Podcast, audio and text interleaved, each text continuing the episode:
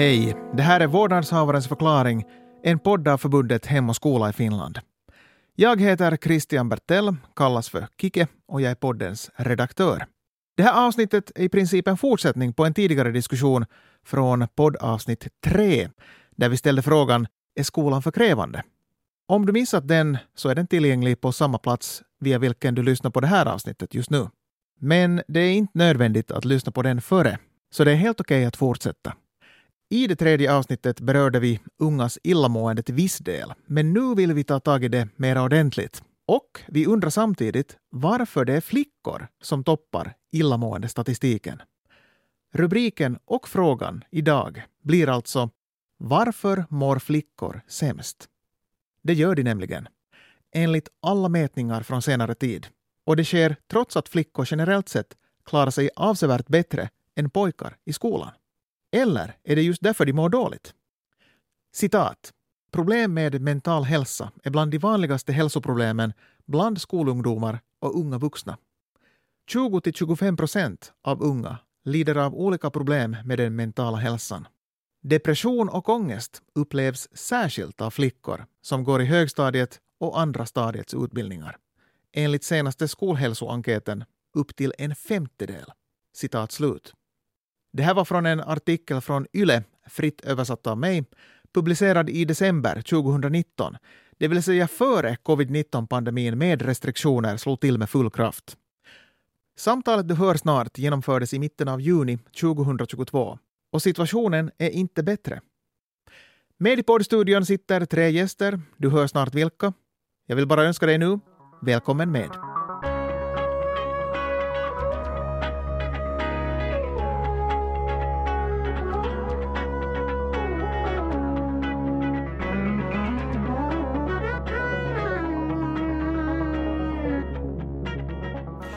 Det dags att äh, än en gång välkomna med gäster till vårdnadshavarens förklaring.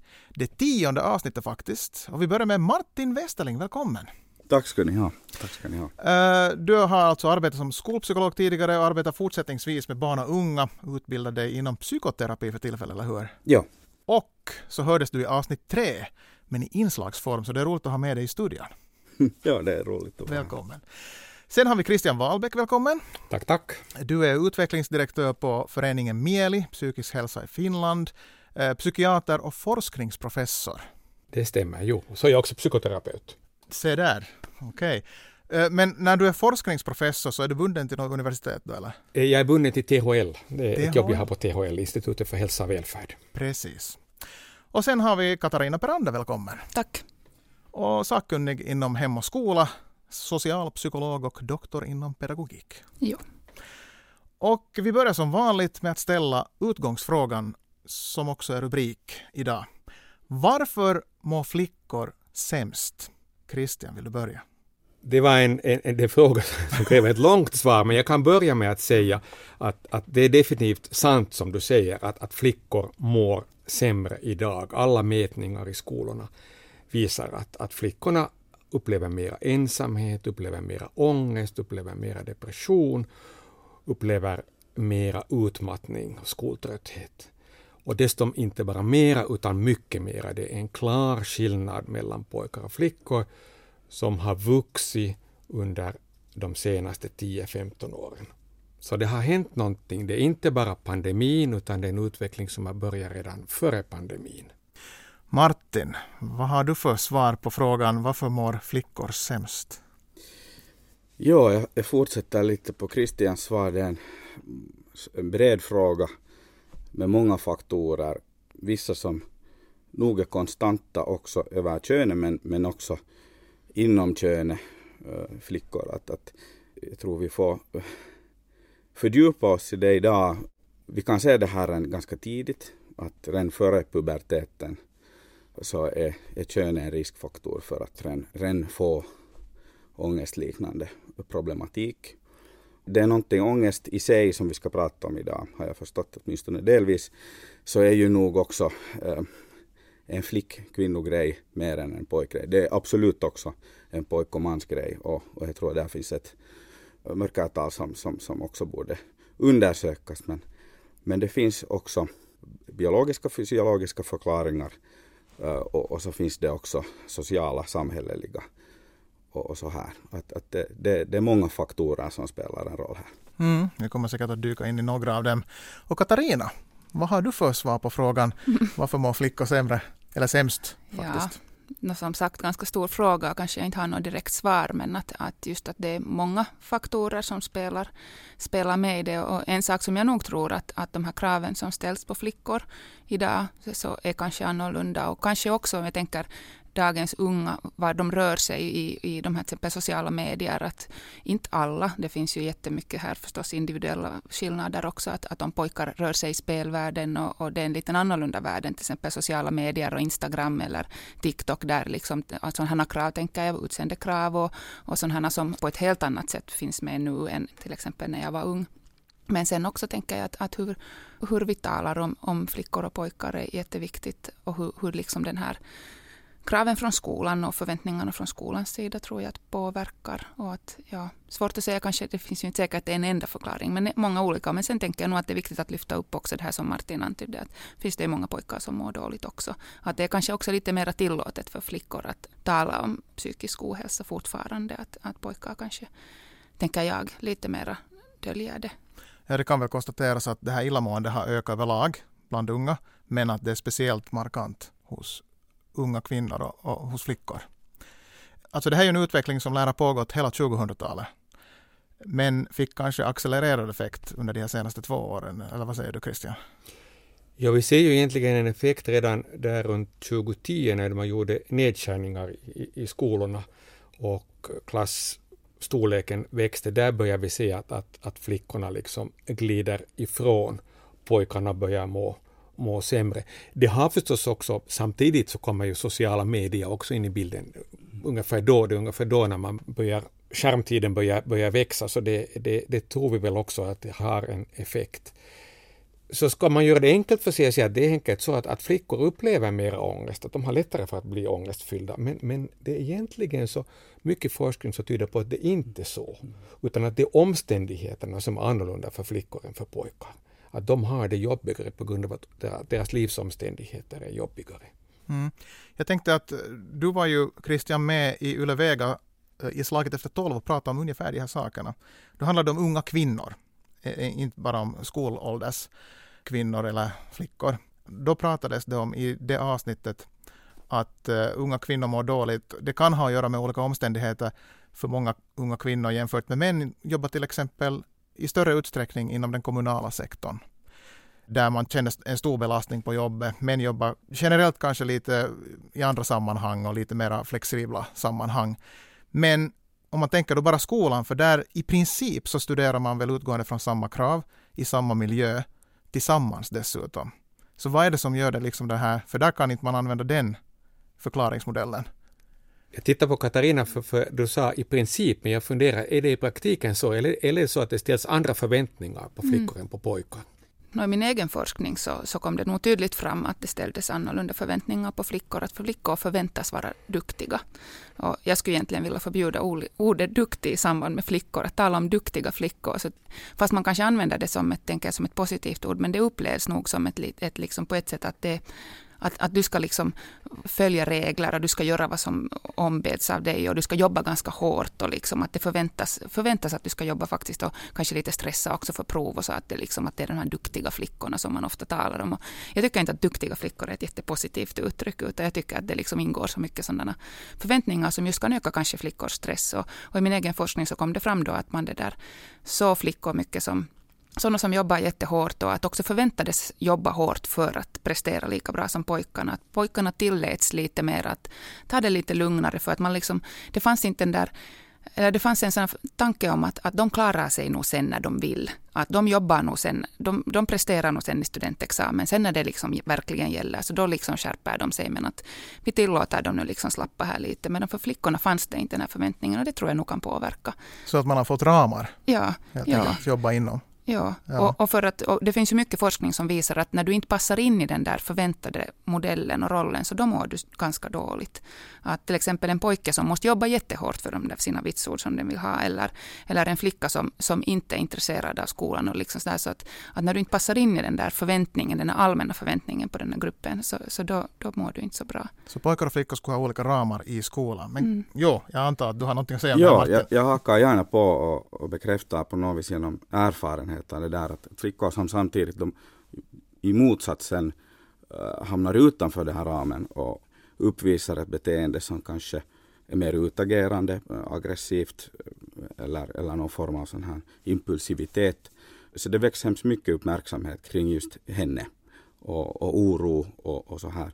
Medan äh, man på ett helt annat sätt är vana med, med jag talar nu om skolan och, och andra former av organisationer, är vana med att pojkar kan uppvisa ett sånt här beteende. Så att jag, jag, jag håller nog med, med om det där. Är det annars någonting som dyker upp ofta i ditt arbete Martin, att du hanterar de här frågorna just med tanke på att du jobbar mycket med ungdomar och, barn? Visst, eh, jag stöter nog på de här frågorna ofta. Eh, Jag har jobbat då på familjerådgivningen men också i skolan och som bäst i skolan som skolpsykolog. Och det är nog aktuella tematiker. Um, Så det här är nog riktigt vardagsmat för mig. Man säger ofta att ungdomen mår dåligt, men man definierar sällan att vad det här mår dåligt innebär. Så skulle vi kunna göra det där, att vad innebär egentligen må dåligt i de här sammanhangen? Christian? Det innebär ett sånt här psykiskt illabefinnande. Det, det är känslor av otillräcklighet, eh, känslor av ångest, depression, bristande framtidstro, ett behov av att bli bekräftad. Eh, Eh, men det är inte frågan om, om vad jag kallar psykiatriska tillstånd. Alltså det är inte frågan om det att vi skulle ha mera psykiatriska sjukdomar, att vi skulle ha mera diagnoser än tidigare. Men vi har ett klart ett ökat illamående. Frågan är förstås att kan det här i förlängningen sedan om, om fem, tio år leda till det att man insjuknar sedan i vuxen ålder i en depression. Och det, det, vet vi inte ännu. Men, men i dagens läge talar vi alltså om illabefinnande. Jag minns att då jag gick i skolan så kanske man pratade mer om skoltröttheten än om illamående. Nu finns skoltröttheten också med i bilden, men, men är det bara det att det finns mer av det eller är det samma sak? så att säga? Kan man göra någon skillnad på det som kändes eh, i min skola på 90-talet jämfört med 2020-talet? Är det samma sak men i större mängd? Nu har man ju mätt skoltrötthet nog ända sedan 90-talet tror jag. Den har nog också ökat. Mm. Att det, det, det är allt flera som känner sig utmattade och, och skoltrötta och, och som har svårt att hitta motivationen och därför underpresterar i skolan. De når inte upp till sin potential. Ja. Det har nog ökat. Kan man säga så att det är skoltröttheten som leder till att man mår dåligt? Fundersamma blickar.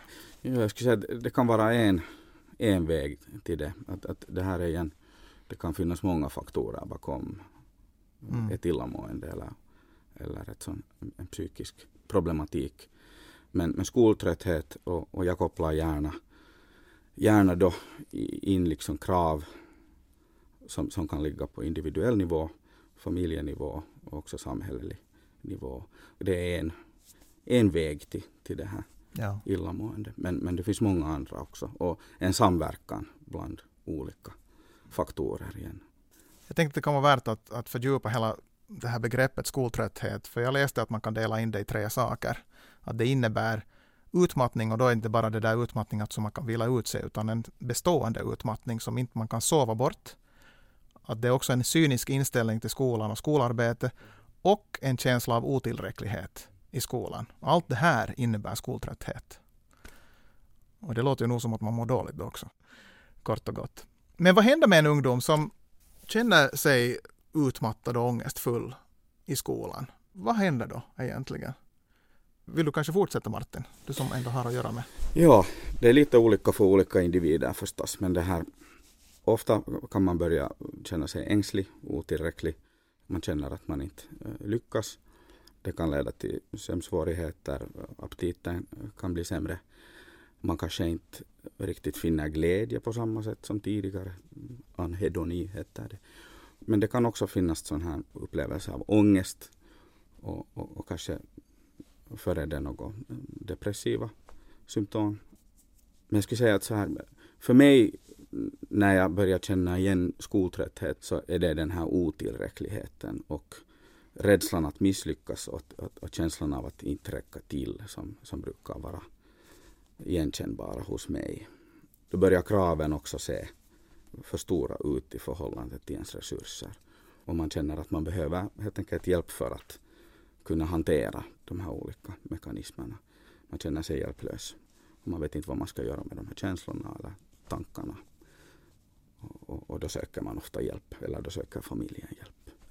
Det finns vissa förväntningar med andra ord som antingen som man ställt åt sig själva eller som andra ställer på en. Ja, och, och så kan det finnas båda. Mm.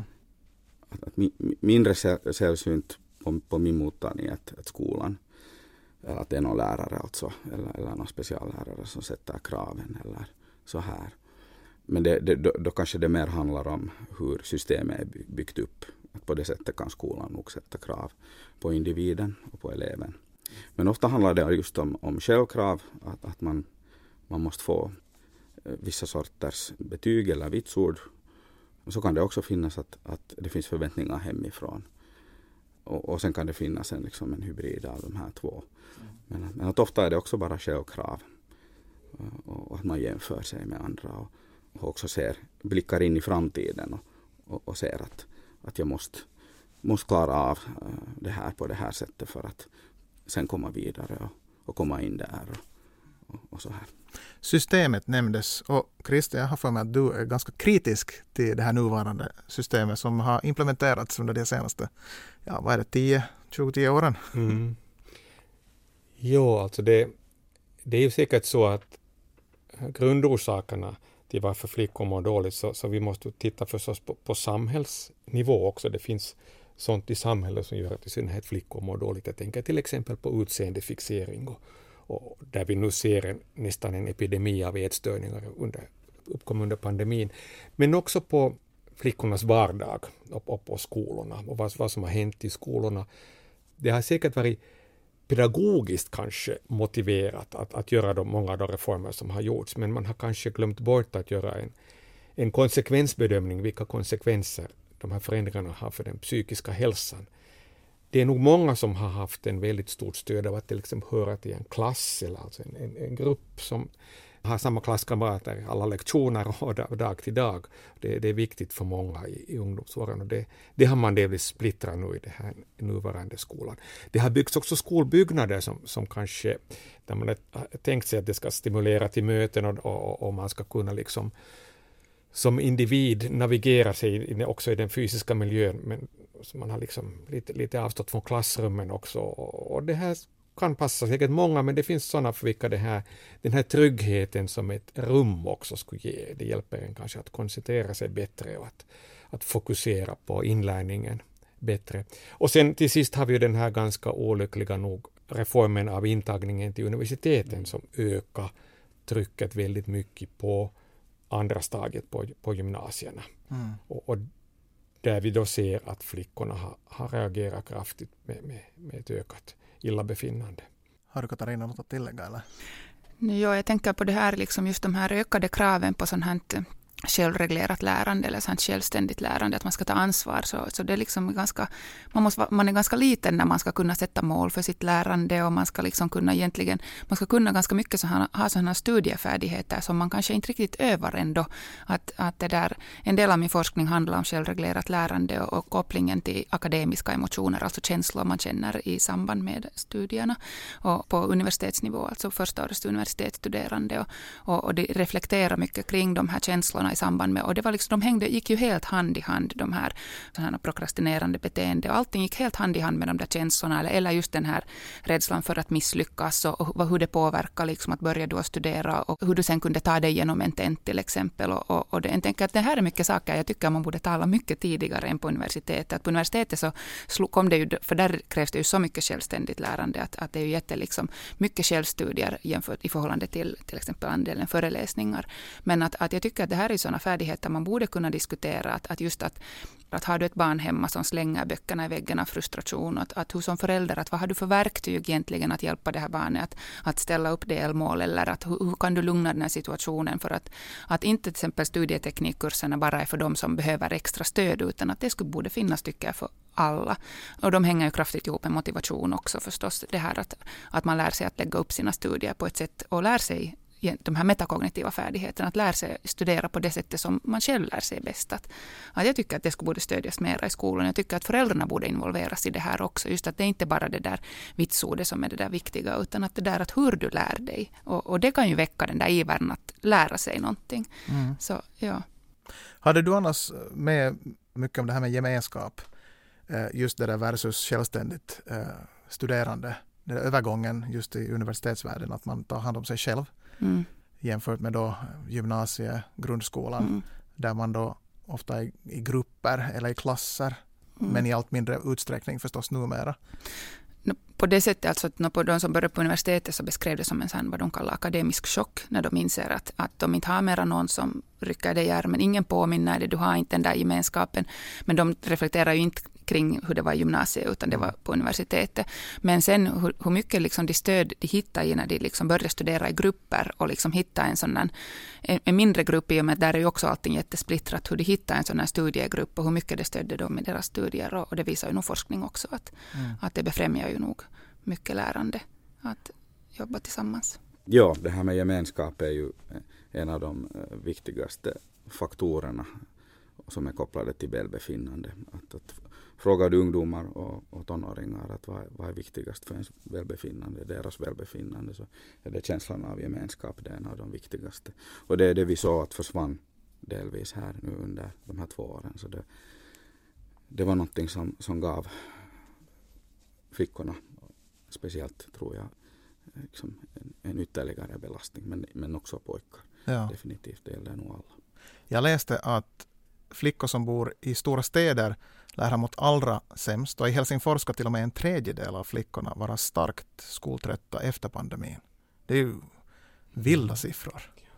Och det skulle ha då mycket att, att göra med just att det här avsaknad av en gemenskap också. Då, att den, den, har inte funnits där om man har varit då utan sina vänner och, och kanske lärare och närkontakt.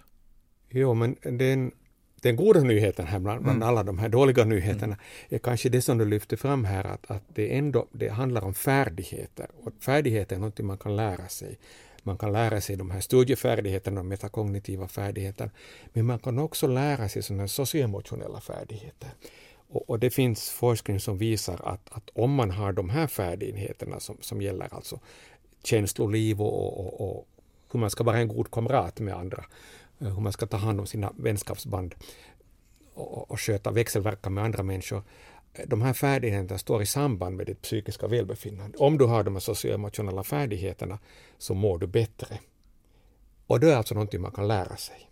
Ja, här vill jag haka in det jätteviktigt det Christian säger. Och det som vi speciellt nu börjar eh, betona på något sätt är också relationen till en själv och växelverkan inåt. Man talar mycket om, om det där självempati. Och det är någonting som, det är också färdigheter man kan lära sig.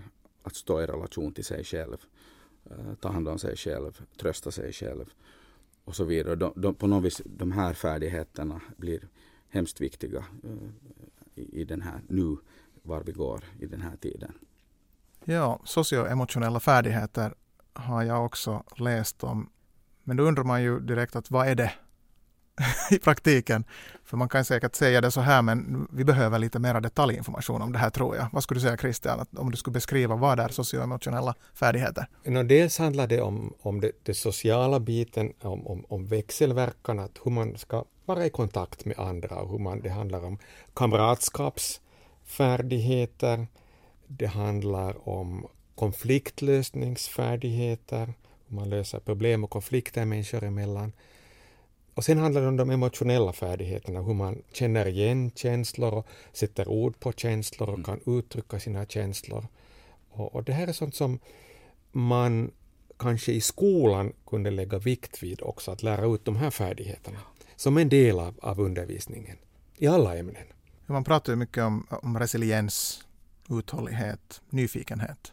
Och det har ju att göra med de här färdigheterna. Jag är ändå lite nyfiken på att vad, vad innebär det att lära ut dem egentligen? Eller är det liksom att utsättas för situationer så att man kan nyttja dem eller vad, vad, vad månne det är? Har du Katarina någon aning?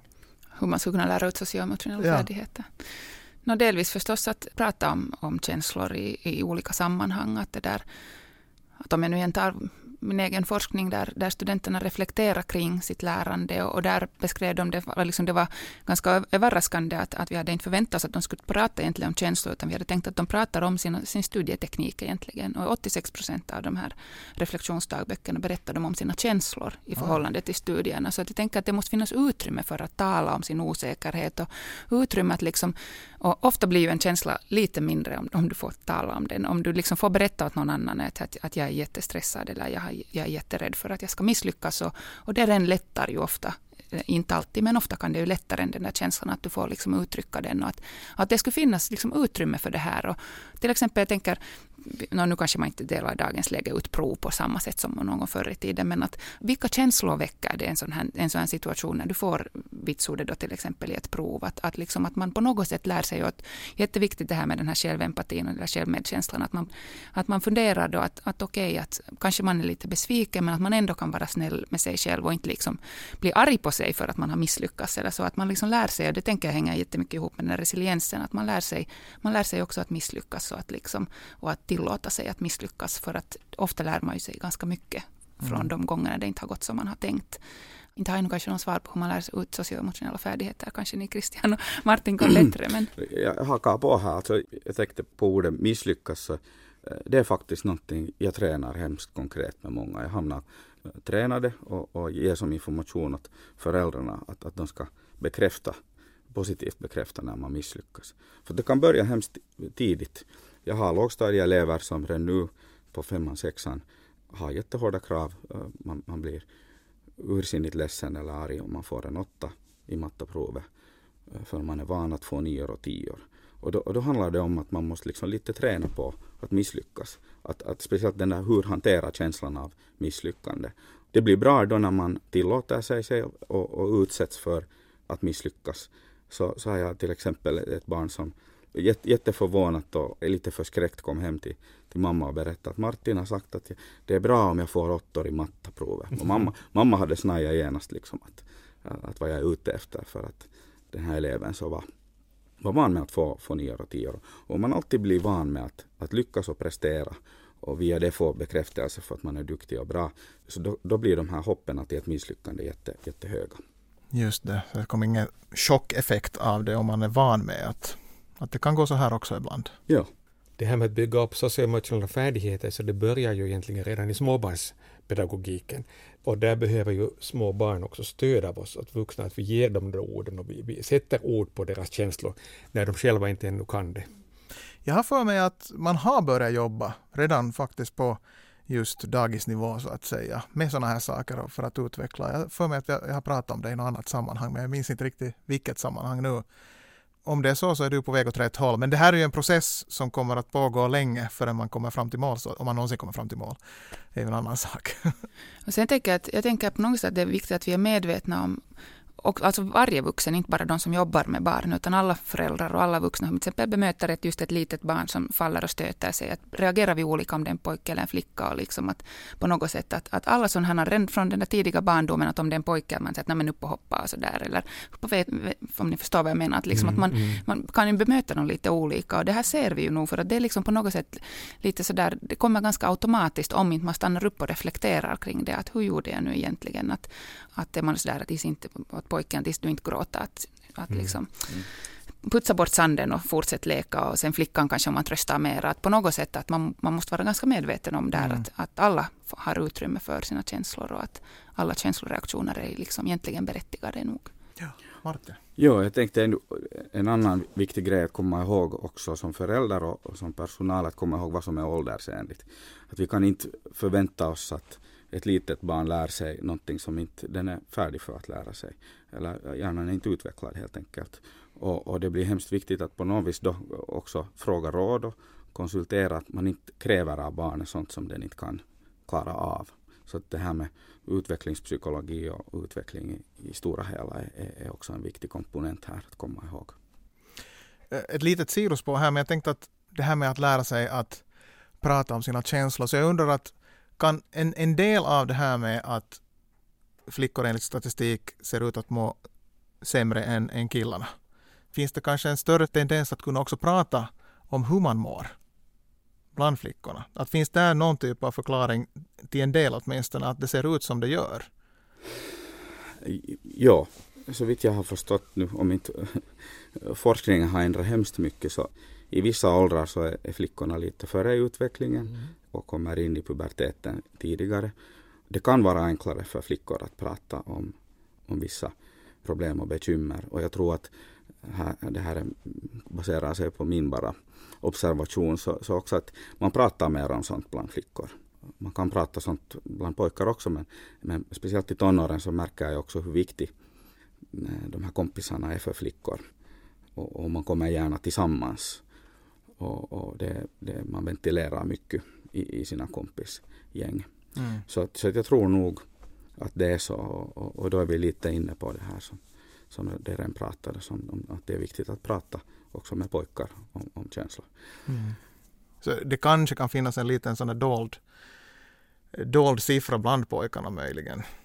Uh, illamående så att säga. Det kan det finnas hos flickorna också för sig. Men att uh, om, om det finns en sån tendens att det finns ett större stigma bland pojkar att prata om fortfarande om, om känslor. Du ser så fundersam ut Christian.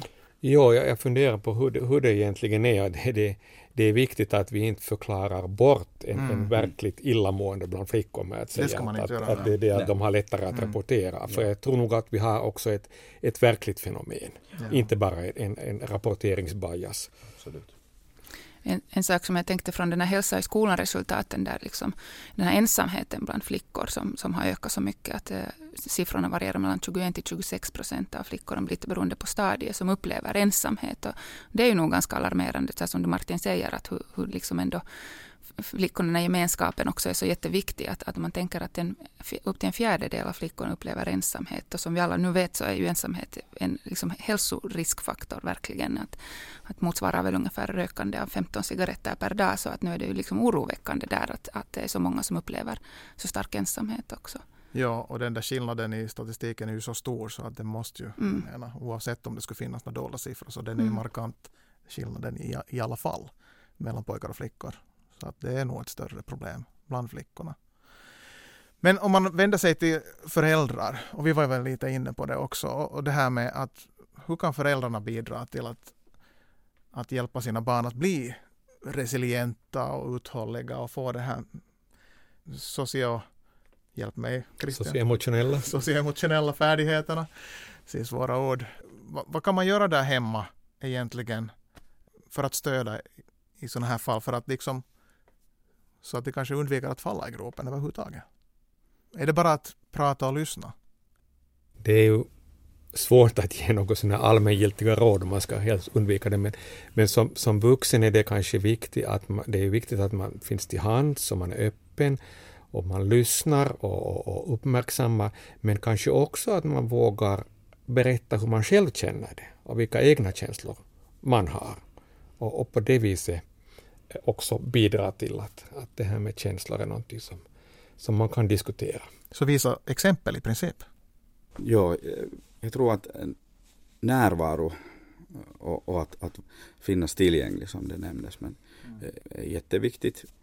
Föräldrar kan ibland reagera ganska snabbt på att försöka hitta en snabb fix till, till problemet eller försöka lösa problemet konkret eller så här, ge råd. Men att egentligen så så kan det i den stunden vara onödigt i och med att det räcker med att man bara finns till, lyssnar och tar emot, lite som en container. Att, att sen ofta är det bra att, att, att efter ett tag reflektera tillsammans och fundera kring olika lösningar. Men att i, i stunden är det hemskt viktigt att stanna upp och, och finnas tillgänglig emotionellt och, och, och fysiskt. Låt oss tänka en sån situation att nu har det gått så långt att nu är man så djupt, djupt nere i en kris som en skolungdom desperat i behov av någon typ av hjälp. Att va, och där vet jag att föräldrar kan känna sig väldigt desperata och vet inte riktigt vad de ska göra. Och den kön till eh, om det finns ens en skolpsykolog på svenska. Det, det råder ju brist på det, speciellt i stora städer. Då kan man känna sig väldigt desperat, att man vet inte riktigt vad man ska göra och man försöker lyssna och man försöker prata, men det, det är inte så lätt att komma vidare. Men vad ska vi säga liksom i en sån situation? Vad kan man ens, vad kan man ens tänka sig att göra? Jag tänker att, att barnen och ungdomen tittar också på hur föräldern kanske reagerar och, och om man kan så, så kan man försöka förhålla sig lugn. Det man lyckas man inte alltid med och det, det är inte heller någonting som, som man kan alltid vara. Jag tänker att ett, ett visst sorts tålamod i stunden men sen att, att på något vis ta, börja ta reda på var man skulle kunna få professionell hjälp. Är det familjerådgivningen, är det skolans elevvård? Man kan också gå till hälsostationen, hälsocentralen eh, och boka tid dit och så vidare. Ehm, sen finns det nog också mycket tredje sektorns olika eh, service som vi idag har ganska bra tycker jag. Som erbjuder också mycket råd åt föräldrar och familjer. Men befolkningsförbundet till exempel, Västerlito har inte till exempel? Ja, till exempel ja. Mannheimförbundet. Och, och det, finns, det finns olika men att ibland kan det kännas som en djungel och det, mm. det kan vara enklast att ta kontakt med elevvården eller familjerådgivningen och, och, man får nog hjälp ganska snabbt. Så ja, eh, lugnt och, och så här börja småningom be om hjälp och tycker jag är bra. Och sen kan man ofta behöva också själv stöd i, i den här krisen. Det är ofta ett, mm. en kris för hela familjen och, och, och, i föräldraskapet. Och det finns också hjälp till, till det och, och för sånt. Att man ska inte glömma sig själv heller. Att man har rätt att, att också få reagera och, och känna att, att det är jobbigt och tungt mm. som förälder. Jo, det är väldigt viktigt att få ett stöd för ett positivt föräldraskap. Och, och, och där kan också föräldragrupper vara vara, vara bra, där föräldrar kan, kan stödja varandra. Det finns olika, olika metoder hur man kan stödja ett, ett föräldraskap, och i synnerhet sedan om det uppkommer problem. Så det, det lönar sig nog att, att, att söka hjälp också från, från, från tredje sektorn. Och nu finns det också på nätet olika, olika resurser i föräldrar, föräldraskap. Så att eh, man ska inte ge upp och det är ju viktigt att man också sen i puberteten att man håller den där kanalen öppen till den unga, att, att, man, att man är intresserad och att man, man, man följer med och att det finns en, en kanal som kanske inte den unga vill utnyttja alla gånger men att den finns där då när den unga vill, vill berätta om, om hur, hur hen har det. Mm. Vill du Katarina ännu säga någonting om det här? Nej, jag sitter här håller jag med Christian och Martin mycket om att delvis just det här som, som förälder att, att man liksom också står ut med svåra känslor som förälder. Att man inte försöker dämpa för mycket utan att, att man tillåter också att, att det går upp och ner men sen när det blir kris så att faktiskt att sen söka den här hjälpen och att, att som förälder för att som förälder känner man sig ofta ganska misslyckad och i synnerhet om det händer någonting som man anklagar ju ganska lätt sig själv för att vad gjorde jag fel och, och, och, utan att just att en sån här föräldragrupp kan ju då ge det stödet att du får tala med andra som har kanske gått igenom motsvarande saker och på det sättet märka att att, att det kanske inte var jag som gjorde nu någonting fel och det kanske inte var den där bråket vi hade då på söndag kväll utan att det är liksom en helhet och att just att ju bättre du mår själv så desto bättre kan du stödja den här unga eller barnet också. Jag tror att det är viktigt att tala om det och att inte försöka inte försöka liksom, tänk, bli sådär, liksom, tänka att man skäms över det så mycket att man försöker dölja det och tänka att vi är lite hysch-hysch kring det här. Utan det är viktigt att tala öppet om det och att, och att söka hjälp när man behöver. Mm. Men, att, men, ja, men nu hör man ju också om de fallen att man har svårt att få hjälp. Och köerna är ju jättelånga till ungdomspsykiatriska och så här. Att, att sen när det är på, liksom så svårt att man faktiskt måste få sån hjälp så. Men tredje sektorn har ju mycket, barnavårdsföreningen, olika sådana har ju, de har mycket grupper för föräldrar också. Ja. Sen funderar jag en sån grej som jag också själv har erfarenhet av att man som förälder, speciellt i och med att det har kommit de här nya systemen in i skolan som inte alls gällde då man själv gick i, i vad heter, grundskolan och gymnasiet och kanske bekanta sig med att hur går det till nu och speciellt gymnasiet för att man behöver inte göra gymnasiet på tre år till exempel. Man kan göra det på tre och ett halvt, man kan göra det på fyra och det är helt okej okay och man kan fortsätta efter det också. Så att man som förälder sitter där och är i panik. och nej, mitt barn kommer inte att klara det på tre år och får inte in det pressat, de här kurserna hit. Hur ska det gå? Eller till exempel det här med ansökningen, för även om det, de kommer väl ändra antagligen det här med matematiken, nu har jag förstått. Men det kommer att ta en stund. Men det kommer att ändras. Eh, att man inte sätter så stor tyngd på matematiken när man söker vidare. Men eh, det går ju fortfarande också att klara sig utan att vara jättebra på matte. Men man sätter jättemycket tyngd på det i samtalen. Och det leder förstås också till att föräldrar och deras barn sitter och sätter tyngd på det via det. Bara genom att den där diskussionen upprätthålls. Men man bara att inse att alla är inte bra på matte oavsett om man kräver mycket av matte. Där ligger det ansvaret nog mycket också på skolan, att, Mm. att, att alla i skolan får en sån respons och en sån feedback, att det stärker deras självkänsla. För alla är ju ändå bra på någonting, alla Mm. har resurser, också den som inte är bra på matte eller språk, så är bra på någonting annat. Och, och då är det ju väl- väldigt viktigt att skolan liksom också förmedlar det här och, och inte blir ett enda lång kedja av misslyckanden som förstör självkänslan. Och här kanske vi kunde ta upp någonting som vi nämnde då med dig Martin Mm. i avsnitt tre. Det vill säga där vi hade rubriken att är skolan för krävande? Och det där med att lärare är bra på att ge råd om att hur man klarar sig bättre. Men att hur var det med det där med att ge råd om att kanske du ska bromsa nu? Att du behöver inte göra den här kursen nu, du kan ta den senare. Har du tänkt på att göra det på tre och ett halvt år istället för tre år? Istället för att liksom, så här pluggar du bättre. Det skulle också vara en bra grej för att kunna ge från skolans sida de, de råden ibland. Eller? Mm. Så good enough. Ja, Mm, mm. lite så. Ja, jag håller med. Vi ligger på något vis ännu kvar i något sånt här tankesätt om till exempel just gymnasiet. Det ska gå enligt ett, ett, på ett visst sätt. Det är just det här tre, jag tycker det var ett bra exempel, det här tre år. Och allt annat känns på något vis lite, jaha, det, varför fyra år eller varför blev det nu tre och ett halvt? Att det ligger någonting ännu kvar, att, att det, någonting är på tok tycker jag. Eller någonting subtilt som inte alls skulle behöva finnas där. För faktum är det att, att vissa skulle behöva en lugnare takt som har en adekvat kognitiv kapacitet men som skulle behöva lite mer tid för att kunna fördjupa sig och kunna utnyttja sin adekvata kapacitet. Så vi borde komma lite från det där och, och tänka vad gynnar den här individen? Är det fyra år? Är det tre år? Och, och sen, jag tror inte heller man på ettan i gymnasiet är utrustad. Det låter som en omöjlig tanke och krav att veta vad man ska göra när man är liksom vuxen. Att, att, att redan att veta som 16, det borde finnas utrymme för reflektion. Det borde få eh, finnas tid för att, att gå fel, att gå tillbaka till någonting man trodde att man inte tyckte om. Det borde vara en tid där man upptäcker olika sorters ämnen i lugn och ro. Så att man nyfiket och utan krav kan, kan lite pröva på olika saker. Och det här har liksom, det här har ändrat. Både i, i hur man får svara i studentskrivningarna, i studentproven, men också i de här valen som allt tidigare måste göras. Lugn och ro borde man få ha. Här kanske någon pedagog säger, ja men skolan ska ju utmana också.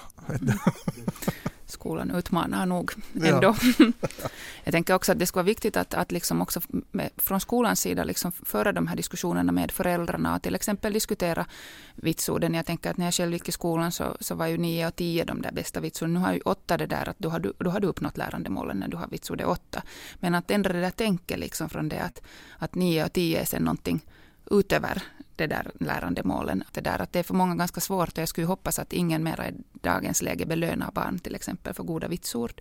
Utan att för goda försök och man har försökt att inte det där slutvitsord är inte det där som är värt att fira utan det att man har försökt och att man har liksom lärt sig av sina och våga misslyckas och, och, och den här att det, att det skulle vara det som man uppmuntrar till istället för att, att man ska prestera så bra som möjligt. Att, och att jag tror, tror att det är viktigt att prata prata också med föräldrarna i skolan om det här, att hurdana krav ställer föräldrarna också på barnen och, och så här. Att, att jag tror nog att tillsammans måste man ju lösa de här problemen. Att skolan kan inte lösa de här ungdomarnas eller barnens illamående och hemma kan man inte lösa det ensam. Och, så det är liksom en diskussion som kräver liksom många olika parter.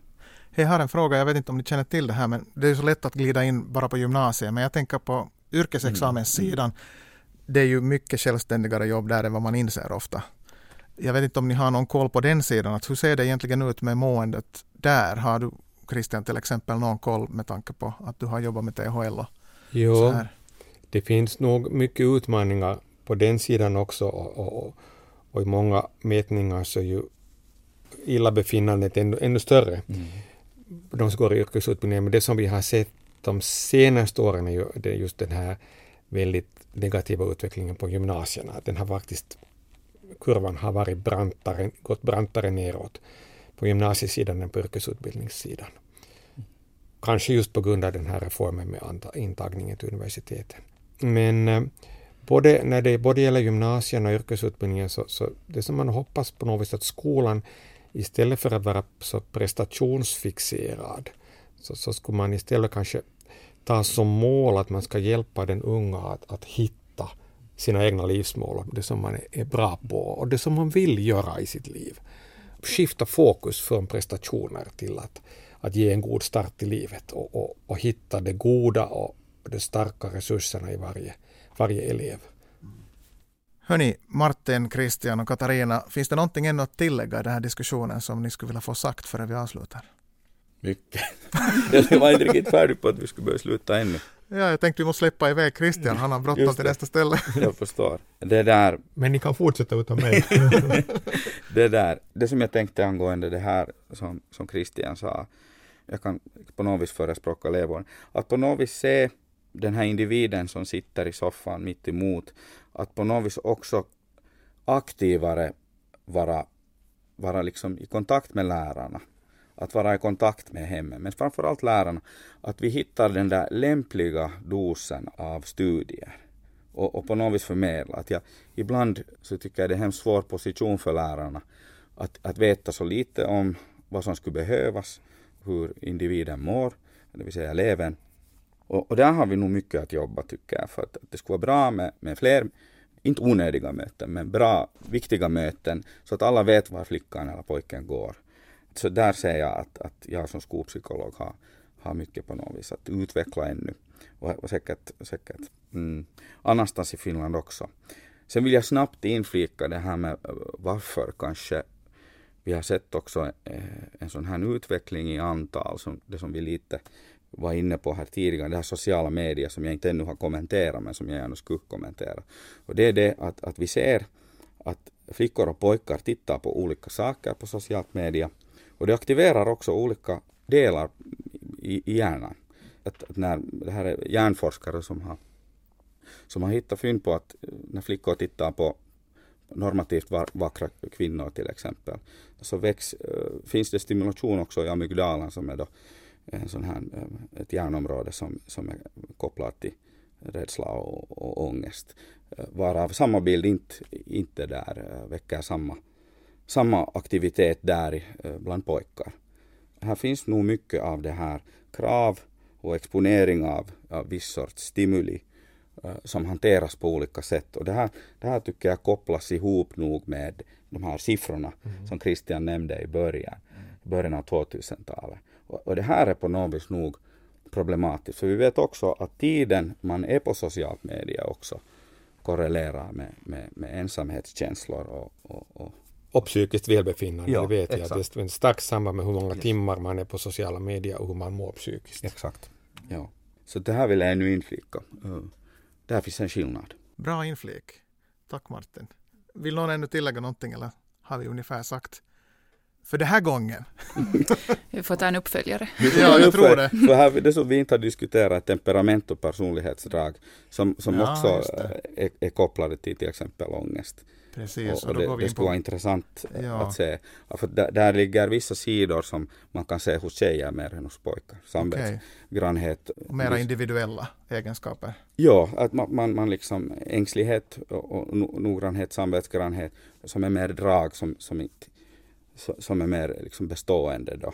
Och så finns det eh, temperament som också kan vara körbarhetsfaktorer för upplevd ångest att, att här finns många dimensioner. alltså det, det är jättesvårt att komprimera.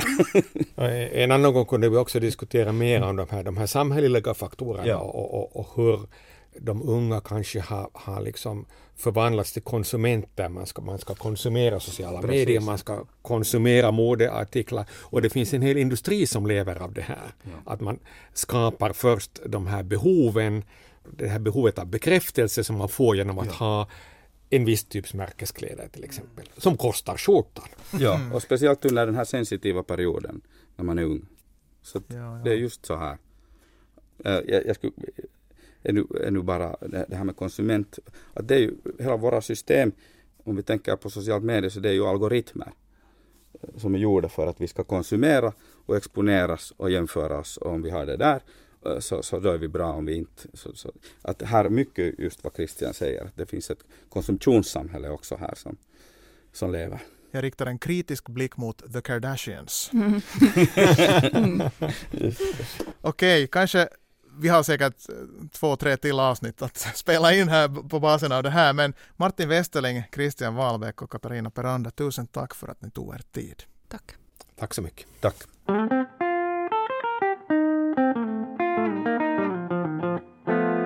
Du har hört det tionde avsnittet av Vårdnadshavarens förklaring, en podd av förbundet Hem och skola i Finland. Om du är nyfiken på siffrorna gällande barn och ungas välmående som Institutet för hälsa och välfärd i Finland sammanställt så går det att hitta på webbsidan thl.fi. Längst uppe till höger kan du välja svenska som språk och sedan kan du skriva in resultaten av enkäten Hälsa i skolan eller bara Hälsa i skolan i sökfönstret. Du kan också hitta relevanta texter på adressen hemochskola.fi. Till exempel artikeln Vuxna kan ge verktyg att hantera stress som publicerades i nummer två av tidningen Hem och skola året 2019. Nu är poddavsnitt 10 slut, men det kan bli mera. Följ podden på den poddplattform du lyssnar via, så kanske vi hörs igen. Jag heter Kikki Bertel. Tack för mig.